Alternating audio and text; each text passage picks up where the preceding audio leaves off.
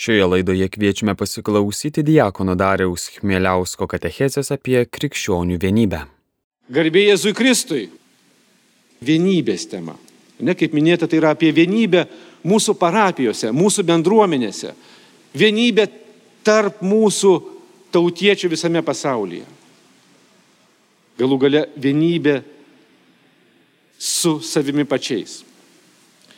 Ir tai yra, dažnai mums gali atrodyti, kad, nu, čia toksai kultūringas atributas, kad, nu, gražu būti draugiškiems, vieningams, ne, nesimušt per daug, nesiskaldyt, nu, tiesiog va, taip yra gražu kultūringa. Betgi mums krikščionėms, mums katalikams yra puikiai žinoma, ką Jėzus paskutinėmis savo gyvenimo dienomis ar net valandomis sakė savo mokiniams ir dėl ko jam buvo labai svarbu. Jis meldėsi ir tėvui, ir mokinių prašė, būkite viena, kaip aš esu viena su tėvu ir su jumis. Ta vienybė mums nėra vien tik tai kažkokio korektiškumo dalykas. Ta vienybė mums yra tiesiog, na, mūsų tapatybės dalis, viena iš esminių mūsų tapatybės dalių.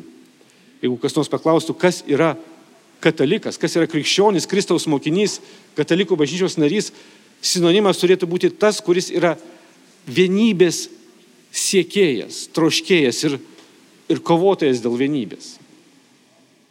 Nes tai yra kažkas iš esmės apie Dievą. Iš esmės apie mūsų viešpatį.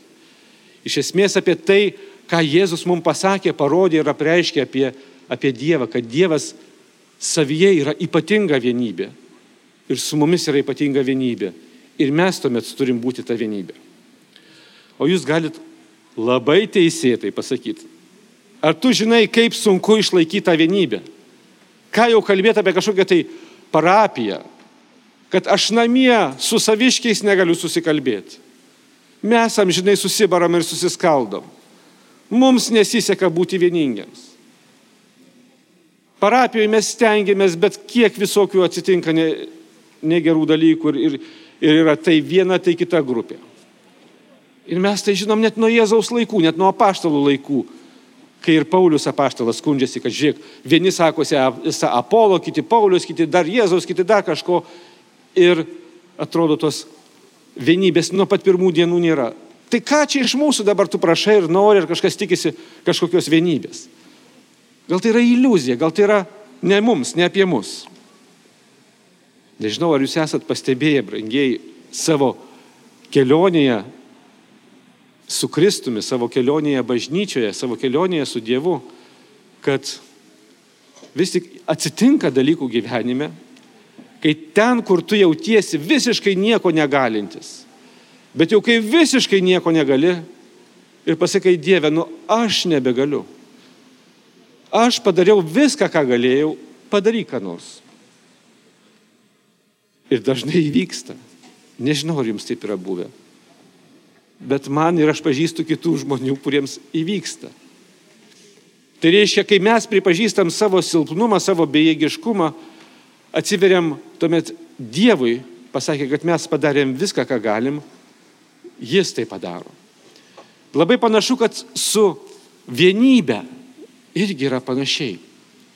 Nes mes akivaizdžiai matom, kad, kad mums yra ir didžiulė užduotis, ir didžiulis iššūkis, ir beveik neįmanomas dalykas šita vienybė. Ir tuomet mes galim arba nusiminti sakyti, ne, tai ne apie mus, ne mums ir mes nepadarysim to. Arba sakyti, viešpatė, iš tiesų čia jau reikia tavo pagalbos. Mes bandėm ir darėm viską, ką galėjom. Reikia tavo, reikia tavęs. Kitaip sakant, pripažįstam, kad vienybė yra dovana. Tai nėra mano padaryta, mano sukurta. Taip, mano pastangų reikia. Čia visuomet. Viešpat su mumis elgesi labai garbingai. Jis niekuomet nedaro už mus tai, ką mes galim padaryti. Jis visuomet nori, kad mes padarytumėm savo darbą, nes jis per daug mus gerbė. Kaip mama, išmintinga mama, niekuomet nedarys už vaiką to, ką jis gali pats padaryti, nes tas vaikui yra naudinga, kad jisai pats darytų, mokytųsi, net jeigu jam truputį nesiseka, bet jis per tas nesėkmės išmoksta padaryti ir kitą kartą daro geriau.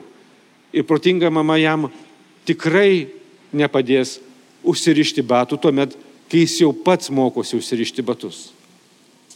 Jam galbūt padės, bet tikrai neužriš už jį batelius. Taip ir mūsų motina, taip ir mūsų viešpats. Tikrai pernelyg gerbė mus, kad nepaisytų mūsų, mūsų pastangų. Jis tikrai sako, kad jūs turit padaryti viską, ką galite iš savo pusės, bet neužmiršt ir atpažinti, kad jūs ne viską galit. Ir kad jūsų tobulėjimui yra dar erdvės ir tuomet priimkite dovaną. Ir ta dovana yra tikrai malonė ir vienybė tikrai yra viena iš tų dovanų, dėl kurių mes turim ir darbuotis, ir, ir ją priimti. Kaip minėjom, ar ne, kad čia šitą vienybės temą ir, ir, ir, ir galim sakyti, kad vats, pradedam padedami ir popiežiaus pranciškaus šitą encikliką, kuri pasirodė ne taip senai, vos prieš dviejus metus, galim sakyti, pandemijos įkarštyje, taip kad visai laikas mums ją pažvelgti, nes ji yra iš tiesų pranašiška, kaip dažnai popiežius, kuris, na tikrai yra ir arti žmonių, ir arti Dievo, ir yra įkvėptas kalbėti mums šiandien tai, kas yra labai aktualu, matė reikalą kalbėti apie tą vienybę šitoje enciklikoje, kurią jis pavadino apie brolybę ir draugystę. Fratelli tuti, visi broliai. Apie vienybę ir socialinę draugystę. Tai yra mūsų ne tik asmeninė draugystė, bet ir draugystę platesnė prasme. Kad mes visuomenėje būtume ne tik pakantus, ne tik korektiški, bet ir draugiški. Ir jis prisipažįsta nuo pat pirmųjų eilučių, kad jį šitam dalykui įkvėpė ne kas kitas, bet Pranciškus, kurio vardą jis pasiemė kaip popiežius, Pranciškus Asižėtis. Netaip senai, ar ne, jis e, įkvėptas to paties Pranciškaus Asižėčio skelbė tą laišką arba irgi encikliką apie nuostabę kūrinyje.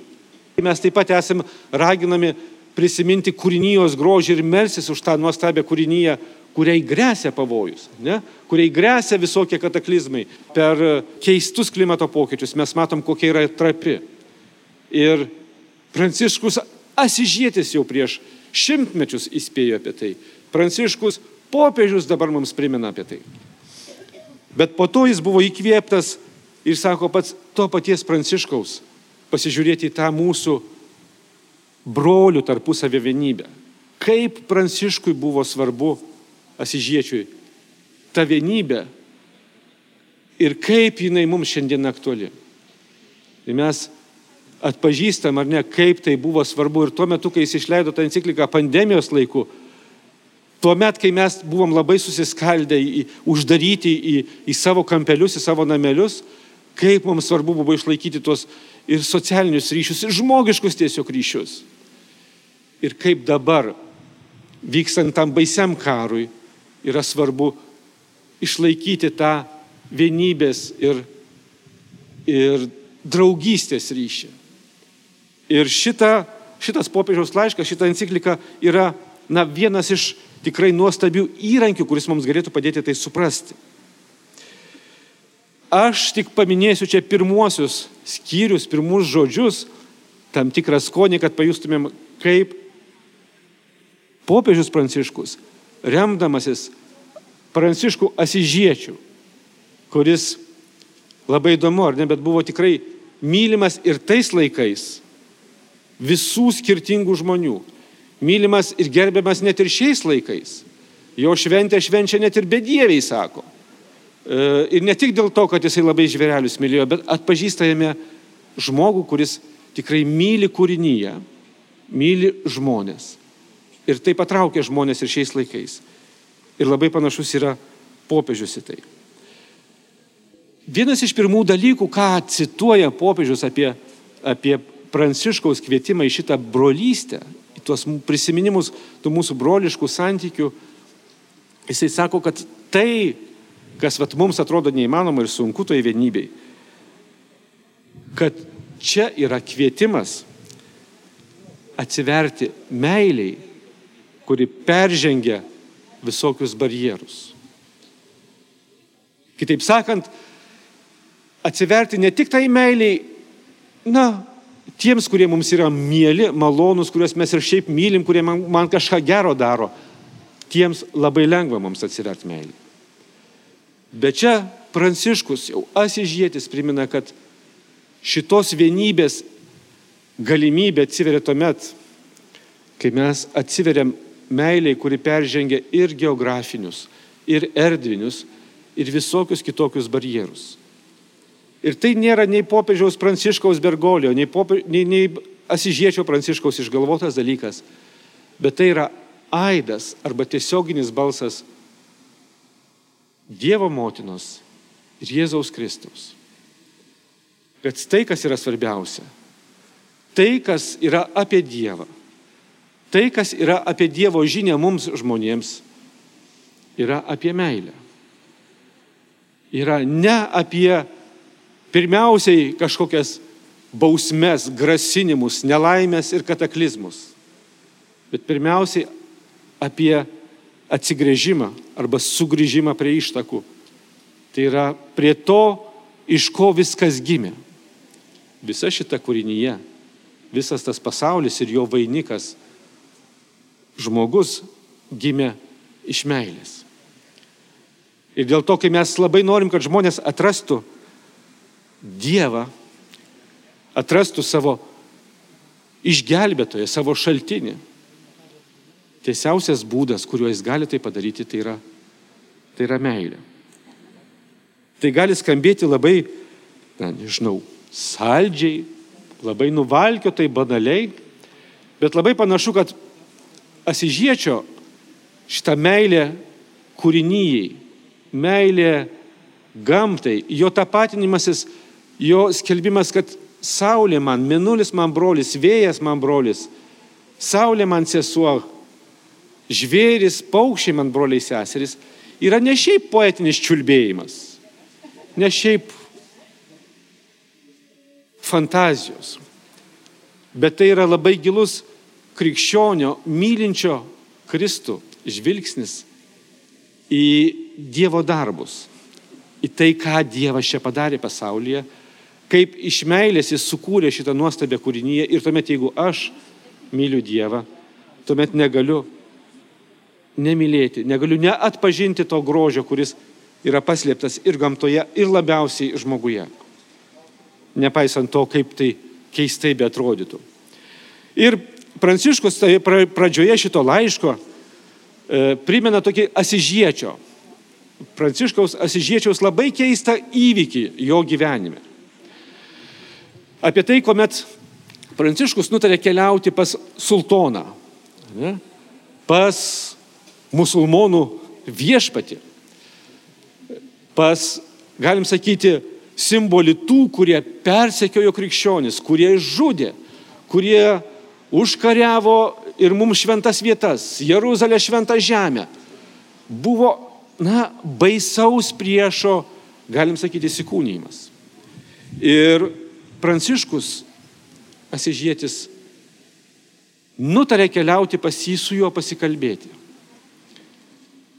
Galbūt perkalbėti jo širdį, galbūt tiesiog susitikti ir, ir savo paprastumu, savo meilę, savo žinia apie Dievo meilę, galbūt kažką padaryti. Ta popiežius Pranciškus čia primena. Ir žinot, ką man tai primena? Man tai primena labai keistus šiandienos įvykius. Kai mums labai nesuprantamų būdų ir nesuprantamam priežastim mes girdim, kaip tas pats popiežius Pranciškus tyliai ar pusiau garsiai svajoja ar galvoja, kad jis galėtų nuvažiuoti pas vieną agresorių į vieną šalį, su juo pasikalbėti ir galbūt perkalbėti jį taikai politiškai, politologiškai analizuojant, tai atrodo labai keistas žvilgsnis. Keista intencija. Visai analizuojama, kritikuojama ir sunkiai suprantama. Bet man tai leidžia suprasti šitą popiežiaus pranciškaus intenciją, kai aš paskaitau ir pasižiūriu, ką jis prisimena ir ką jis parodo iš Pranciškaus Asižiečio gyvenimo. Jo šitą keistą žvilgsnį ir keistą žingsnį. Nežinau, kaip popiežiui Pranciškui dabar pavyks. Mes žinom tik iš istorijos, kad Asižiečiui labai pavyko su tuo susitikimu su sultonu. Jis buvo priimtas, jis buvo pagerbtas, sultonas atpažino jame kažkokį ypatingą žmogų, kuris ateina ne su ginklu, ne su prakeiksmais, ateina su kažkokia meilė žinia. Jis jo nenužudė, jis jo brolių nenužudė, atvirkščiai, jis paliko labai ypatingą vietą pranciškonams ir šventoji žemėje po šiandien. Šiandieną dar jie yra labai ypatingai ten gerbiami ir užima labai svarbią vietą. Keistas ženklas, bet tikrai ženklas, kad Pranciškui Asižiečiui, kaip ir popiežiui Pranciškui, yra labai svarbi žinia, kurią jisai užrašo čia taip pat pradžioje.